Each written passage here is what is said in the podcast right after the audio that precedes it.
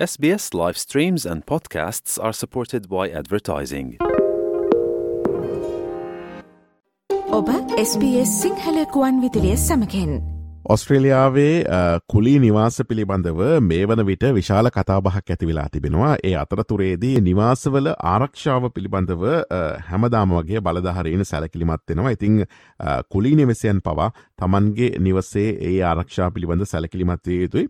තැන් ෆයසේෆ්ටි ගැන කතා කරද්දේ විශේෂම නිවසක අපිට අමතක කරන්න බැහැමේ ස්මෝක් කෙලාම්ස් අනිවාරෙන්ම ඉතිං නිවසක පයසේප්ටි හෙවත් ගින්නෙන් ආරක්ෂාවීම පිළිබඳව කුලී නිවෙසයකු ලෙස ඔබේ අයිතිවාසිකම් ඔබ දැනගෙන ඉන්නවද? මෙන්න මේක ඉතාම වැදගත් කාරණාවක්. ඉතින් එතනදි අපි හිතුව ස්මෝක් කෙලාම්ස් පිළිබඳව ඔබව දැනුවත් කරන්නට. මේ සාකච්ඡාවට අපි සම්බන්ධ කරගන්නවා ස්පේ සිංහල ගොන්න දිලියට මෙල්බන්නුවර ඒ ශ්‍රේණයේ විදුලි කාර්මික ශිල්පියකු ලෙස කටයුතු කරන වගේම ලියාපදිංචි විදුලි කොන්ත්‍රාත්කරුවකු ලෙස කටයුතු කරන කෙනෙත් සූරය කුමාර මහතාව බොහෝ දෙන හඳුන්නන්නේ සූරි කියලා. අපි සූරය අයිබෝවන් කියල පිළිගන්න ඉතා මාදරෙන් ස්පස් සිංහල ගොන්න ඉදිලියට සූරි ඔස්ට්‍රලියාවේ අවුරුද්ධකට කොපමන වාරයක් නිවසක ස්මෝක් කෙලාම් පරීක්ෂා කළ යුතුද? ඒ ඇයි කියලා අපි මුලින්ම පැහැදිලි කරමු. ඔව. සෑම වසරක් පාසාම ස්මෝක් කලාම් පරීක්ෂා කළ යුතුයි. අවම් වශයෙන් එතකොට ස්මෝක් කලාම් පරීක්ෂා කරන ඇයිද කියලා ඇහුවොත් ඒකට උත්තරයකටියට දැන් කියන්න පුළුවන් ස්මෝක් කලාම් එකක් නිසිලෙස ක්‍රියාත්මක වෙනවාද කියලා බලාගන්න විදියක් නෑ ටෙස්ට් එකක් කරන්න නැතුව. එතකොට අර සාමාන්‍ය ස්මෝක් කලාම් වල තියෙනවා ටෙස්ට් බටන් කියලා. ඒක නිසි පරීක්ෂාව නෙමෙයි ඇත්තටම. එතකොට මේ පරීක්ෂාව කරන්න ඕනේ බලයලත් විදුලි කාර්මික මහතෙක් ලැබුවා. අපි කියන ඒ ග්‍රේඩ් ලයිසන්ස් ඉලෙක්ට්‍රීෂියන්. එයා ලැබුවා පරීක්ෂා කරගන්න ඕනේ අවම තරමෙන් වසරකට එක් වතාවක්වත්. හොඳයි සූරිතැන් නිවසක මේ ස්මෝක් කෙලාම් සවි කළ යුතු ස්ථාන පිළිබඳවත් විශේෂයෙන්ම නිර්ණායක තිබෙනවා. අපි මේ ස්ථාන මොනවද සහ ඒවට හේතු මොනවද කියලත් ඊළඟට පැහැදිලි කිරීමක් කරමු. ඔවු දැන් බිල්ඩින් කෝඩ් එක අනුව තියෙන්නේ විශේෂණයක සඳහන් කරනවා එවරි ස්ලීප් ඒරියා කියලා කියන හැම නිදන ස්ථානයකම කියලා. එතකොට නිදන ස්ථානයක් ගත්තාම තියෙන නිදන කාමර සෑම නිදන කාමරයකම සවි කරන්න ඕනේ. ගොඩක් වෙලාවට සවි වෙන්නේ දොරටුවෙන් පිටත පැත්තේ. පැත්තේ ස්මෝක් කලාමයක් සවි වෙන්න ඕනේ හැම කාමරයකම. අපි තුමු උදාහරණයකට කාමර තුනක් තිබුණොත් ස්මෝක් කලාම් තුනක් සවි වෙන්න ඕනේ. සාමාන්‍ය සවි කරන ක්‍රමය තමයි ස්ටෑන්ඩඩ් එක හැටියට 300 mm ඒ කියන්නේ අඩියක්.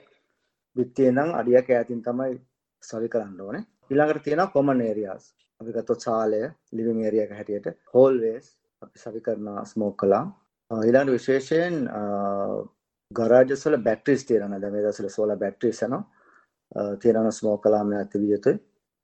ඒව තමයි විශේෂ ස්ථාන. සෑම කිව්වා වගේ සෑම ඉදර කාමරයක් ළඟම හෝල්වේ එකේ කොමන් ඒරියාවල සවි කිරීම කරන්න ඕනේ. ඔහු දැන් නිවසක් අලුතෙන් නිදි කරන්න බලාපොරොත්තුවෙන් ඉන්න උදවියට හරි හෙමනැතම් දැනට නිවසක ඉන්න කුලි නිවසයක් හෝේවා තමන්ගම නිවසක හෝේවා දැන් මේ සාකච්ඡ වහන් ඉද්දී ඔය උත්තරෙත් එක්ක තවත් ප්‍රශ්නයක් පැන්නගෙන පුලන් සූරි. මේ සාමාන්‍ය නිවසක් ගත්තොත් එහෙම ස්මෝක් කෙලාම් ඇත්තටම අවමෝෂෙන් කීයක් හයි කරන්න ඕනි කියලා. මේ ප්‍රශ්නත් අපි පැහැදිලි කිරීමක් ලබා දෙමු. ඔව අවම ප්‍රමාණයක් නෑ. හැබැයි ඉතින් බං කලින් කිව්වා වගේ සෑම කාමරයක්ම කාමර තුනක් නම් සෑම කාමරයකම තියෙන්න ඕනේ පිටපැත්තේ සාමාන්‍ය ගෙදරක ලිවිං ඒරියා එකක් හෝ දෙකක් තිබෙනවා. ඒතර එතන දෙකයි. සාමාන්‍ය ගෙදරක කාමර තුනක් ගෙදරක ස්මෝක් අලාම් පහකද සවිනවා. ආ ඊළඟට තව කාරණයක් මතක් කරන්න ඕනේ තට්ටු දෙමහල් නිවාසයක් නිවාසයක් නම් අපිට මල්ටි ස්ටෝරි ගෙදරක හැම ස්ටෝරි එකම ඕනේ. ස්මෝක් අලාම් සවිවෙන්න ඕනේ. ස්ටෙයාකේස් එකේ පටන් ගන්න තැනයි අවසන් වෙන තැනයි. ඒ කියන්නේ පල්ලෙහා ඉහළයි ස්ටෙයාකේස් එකට යාබදව ස්මෝකලම් ස්ථානගත කරන්න ඕන. ඒ සටු නිවාසයක් නම් තමයි ප්‍රශ්න තියෙන්නේ. හොඳයි අපි කතා බහ කරන්නේ නිවසක ස්මෝක් කෙලාම්ස් සවිකිරීම සහහි වැදගත්කම සහ විශේෂෙන්ම එතනදි මේ ෆය සේෆ්ටි නැත්තන් ගින්නෙන් ආරක්ෂාවීමට ඔබට ලැබෙන පිටිවාහල සම්බන්ධයෙන් අපි මේ සාකච්ඡාවට සම්බන්ධ කරගෙන සිටින්නේ මෙල්ව නුවර ඒ ශ්‍රේණයේ විදුලි කාර්මික ශිල්පී ලියාපදිංචි විදුලි කොන්ත්‍රාත්කරුවක වන කෙනත් සූරිය කුමාර මහත. සූරි දැන් මෙතනදී අපේ විශේෂෙන්ම ශ්‍රී ලංකය ප්‍රජාව කරන මේ වැරද්දක් පිළිබඳව ඔබෙන් දැනගන්නට කැමති. විශේෂම අපි ගත්තොත් එහෙම මේ අපේ මුළුතැන්ගේ ආශ්‍රිතව අපි ශ්‍රී ලංකාවේ විදිහටම ආහාරපි සිනවා එතනදි මේ එකේව බදිනවා එතනදි දුම්වෙනවා එතකොට මේ වගේ දුමක්කාවට පස්සේ බොහෝ දෙනෙක් කරන වැරද්දක් තමයි මේ ස්මෝක් කෙලාම් එකේ බැට්‍රිය ගලෝලා දානවා. මොකද ඒක සද්දේ අනිවාර්යෙන්ම නවත්තන්නට. මේක මොනවගේ වැරද්දද්ද මේ ගැන ඔබ අත්දැකීම් ආශ්‍රයෙන් අපිට උපදෙස් කිහිපයක් ලබා දෙන්න පුළුවන්ද? ඔව ඒක වැදගත් ප්‍රශ්නයක්. මොකද අපේ ෆුඩ් පැට්න කටයතින් අපේ ගොඩා බැදුම් කෙරෙනවනේ පුස්සේ එතකොට මේ ස්මෝ කලාම් පුරක් කලාට ඩිස්කනෙක් කරන එක සමරය කරන ඉතින් එක තදවල වැරද්දක්. කරන්න එපාහෙම මොකද ඩිස්කනෙක් කරපු ගමන් ඉලෙක්ට්‍රිකලු ඩිස්කනෙක් කරනවා බැටරිනෝ ඩිස්කනෙක් කරනවා. ඒ වුණාට පස්සේ ඊළඟ වැරද්ද තමයි දාන්න අමතක කරනවා අපි ආයේ. නැවත ස්ථානගත කරන්නේ නැහැ ඒක. අමතක වෙන්න පුළුවන්. හොඳම දේ තමයි සාමාන්‍යයෙන් අපි කුසියාවට ස්මෝක් අලාම් එකක් ඉන්ස්ටෝල් කරන්නේ නැහැ. අපිට පුළුවන් ඉලෙක්ට්‍රිෂියන් කෙනෙක් ලව්වා ඒක රීලොකේට් කරන්න සුදුසු තැනකට. එහෙම බැරි නම් ගලවනවා නම් ඒක ඒක රෙකමෙන්ඩඩ් නෑ ඉතින් ගලවලා ආපහු දාන්න නැති වෙන්න පුළුවන් අමතක වෙන්න පුළුවන්. ඒක රිසිරිස ආය සවි කරන්න මේ හරියට නොකළොත් ඒ ස්මෝක් කළාම වැඩ කරන්නේ නැති වෙනවා. ඒ නිසා ඉතින් හොඳම දේ තමයි නොකර ඉන්න එක. හොඳයි. දැන් ඔස්ට්‍රලියාවේ මේ කුලී නිවාසවල ස්මෝක් කෙලාම් සවිකිරීම සහ ඒවා නිසි ලෙස ක්‍රියාත්ම කරනවාද යන්න පිළිබඳව විශේෂෙන්ම විධ ප්‍රාන්තවල නීති තියෙනවා. අපි කැමති කුලී නිවසියකු විදිහට මේ සාකච්ඡාවට සවන් දෙන පුද්ගලයන් ඉන්නවනක් ඔවුන්ට මේ නීති මේ තත්ත්වය පිළිබඳවත් පැහැදිලි කිරීමක් ලබා දෙනවනං අවසාන වශයෙන් සූරී. ඔව ඇත්තටම මේ පුලි නිසයන්ගේ ආරක්ෂාව තදින්ම බලනවා. තොට මේ ස්මෝක් කලාම් සබි කිරීම සහ ඒවා නඩත්තු කිරීම පැවරෙන්නේ ලෑන් ලොට්ට නිවසීමයාට. නිවසීමයා මේ ගැන වක්කීම දරන්න ඕනේ. එයා නිස්ලෙස පරීක්ෂා කරන්න අවුරුදු කතාවක් එදදාස් සමසි අනු හත්ත අගෝස්තු පලවෙන්දයෙන් පස්සේ හදපු නිවස්වල් තමයි මේ ගොළන්ගේ තියෙන හාඩ් වයිඩ් කියලා. දැන් එතකොට විදුලි සම්බන්ධ කරලා තියෙන ඕනේ ස්මෝක් කලාම් එකට.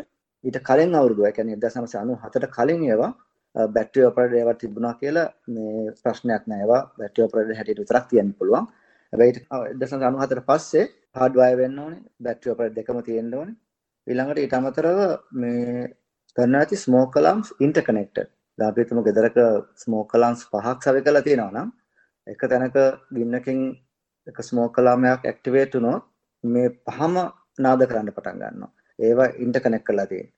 ඉතින් ඒක විශේෂයෙන් බලන්න ඕනේ ඒවා ඉන්ටර්කනෙක්ටඩ්ද කියලා. එතකොට දැන් නිවස් හිමියා තමයි මේක arrange කරන්නේ මේ අවුරුද්දක් පාසා මේක පරීක්ෂා කරන්න. එමුදල් ගවන්නත් එයා ඒක රියල් එස්ටේට් හරහා සිදු වෙනවා. එතකොට බලලා මේ ඉලෙක්ට්‍රිෂියන් ආවහම එයා ඒක චෙක් කරලා බලනවා මේ ස්මෝක් කලාම් හරිය විදිහට වැඩ කරනවද එතකොට ස්මෝක් කලාම් වල ආයු කාලය සාමාන්‍ය අවුරුදු 10යි හොඳට ක්‍රියාත්මක වෙනවා වුණත් නැතත් අවුරුදු 10 සැරයක් ස්මෝක් කලාම් මාරු කරන්න ඕනේ ගල් අයින් කළා. අලුතින් හයි කරන්න ඕනේ. අවුරුදු 10යි ඒකේ පරිම ආයු කාලේ. එතකොට ඒගොල්ලෝ ඇවිල්ලා ටෙස්ට් කරලා බලලා බැටරි චේන්ජ් කරනවා හැම අවුරුද්ද සැරයක්ම බැටරි රීප්ලේස් කරන්න ඕනේ. ඒ වගේ සවුන්ඩ් ලෙවල්ස් චෙක් කරනවා. ඒවා ඉන්ටර්කනෙක්ටඩ්ද කියලා බලනවා. ඉතින් සැකයක් තියෙනවා නම් මේ ටෙනන්ට මේක වැඩ කරන්න නැහැ කියලා රිපෝට් කරන්න පුළුවන් ඕනම වෙලාවක. නිවසේ මෙයා බැඳලා ඉන්නවා. කෙනෙක් එවලා ඒ මේ සුළු කාලයක් ඇතුළත ඒවා පරීක්ෂා කරලා බලලා නිසි තත්ත්වයට තියෙනවා කියලා රිපෝට් කරන්න ඕනේ එයා එකට බැදිලා ඉන්නවා හොඳයි අපි කතා බහ කරමින් පසුයේ මේ ෆය සේෆ්ටි හෙවත් ගින්න ආරක්ෂාවීම පිළිබඳ කුලී නිවසියකු ලෙස ඔබේ අයිතිවාසිකම්ම පිළිබඳව මේ සාකච්ඡාවට අපි සම්බන්ධ කරගත්තේ මෙල්බනුවර ඒ ශ්‍රේණයේ විදුලි කාර්මික ශිල්පී අල්්‍යාපදිංචි විදුලි කොන්ත්‍රාත්කරුවකු වන කෙනත් සූරිය කුමාර මහතාව. සූරි බොහොමත්ම සූතිවන්ත වෙනවා මේ වටිනා අදහස් අපේ අසන්නන් වෙනුවෙන් ගෙනාවට සුබ දවසක් ප්‍රාර්ථනා කරනවා. su mudanza. SBS SBS SBS SBS SBS, SBS. SBS Radio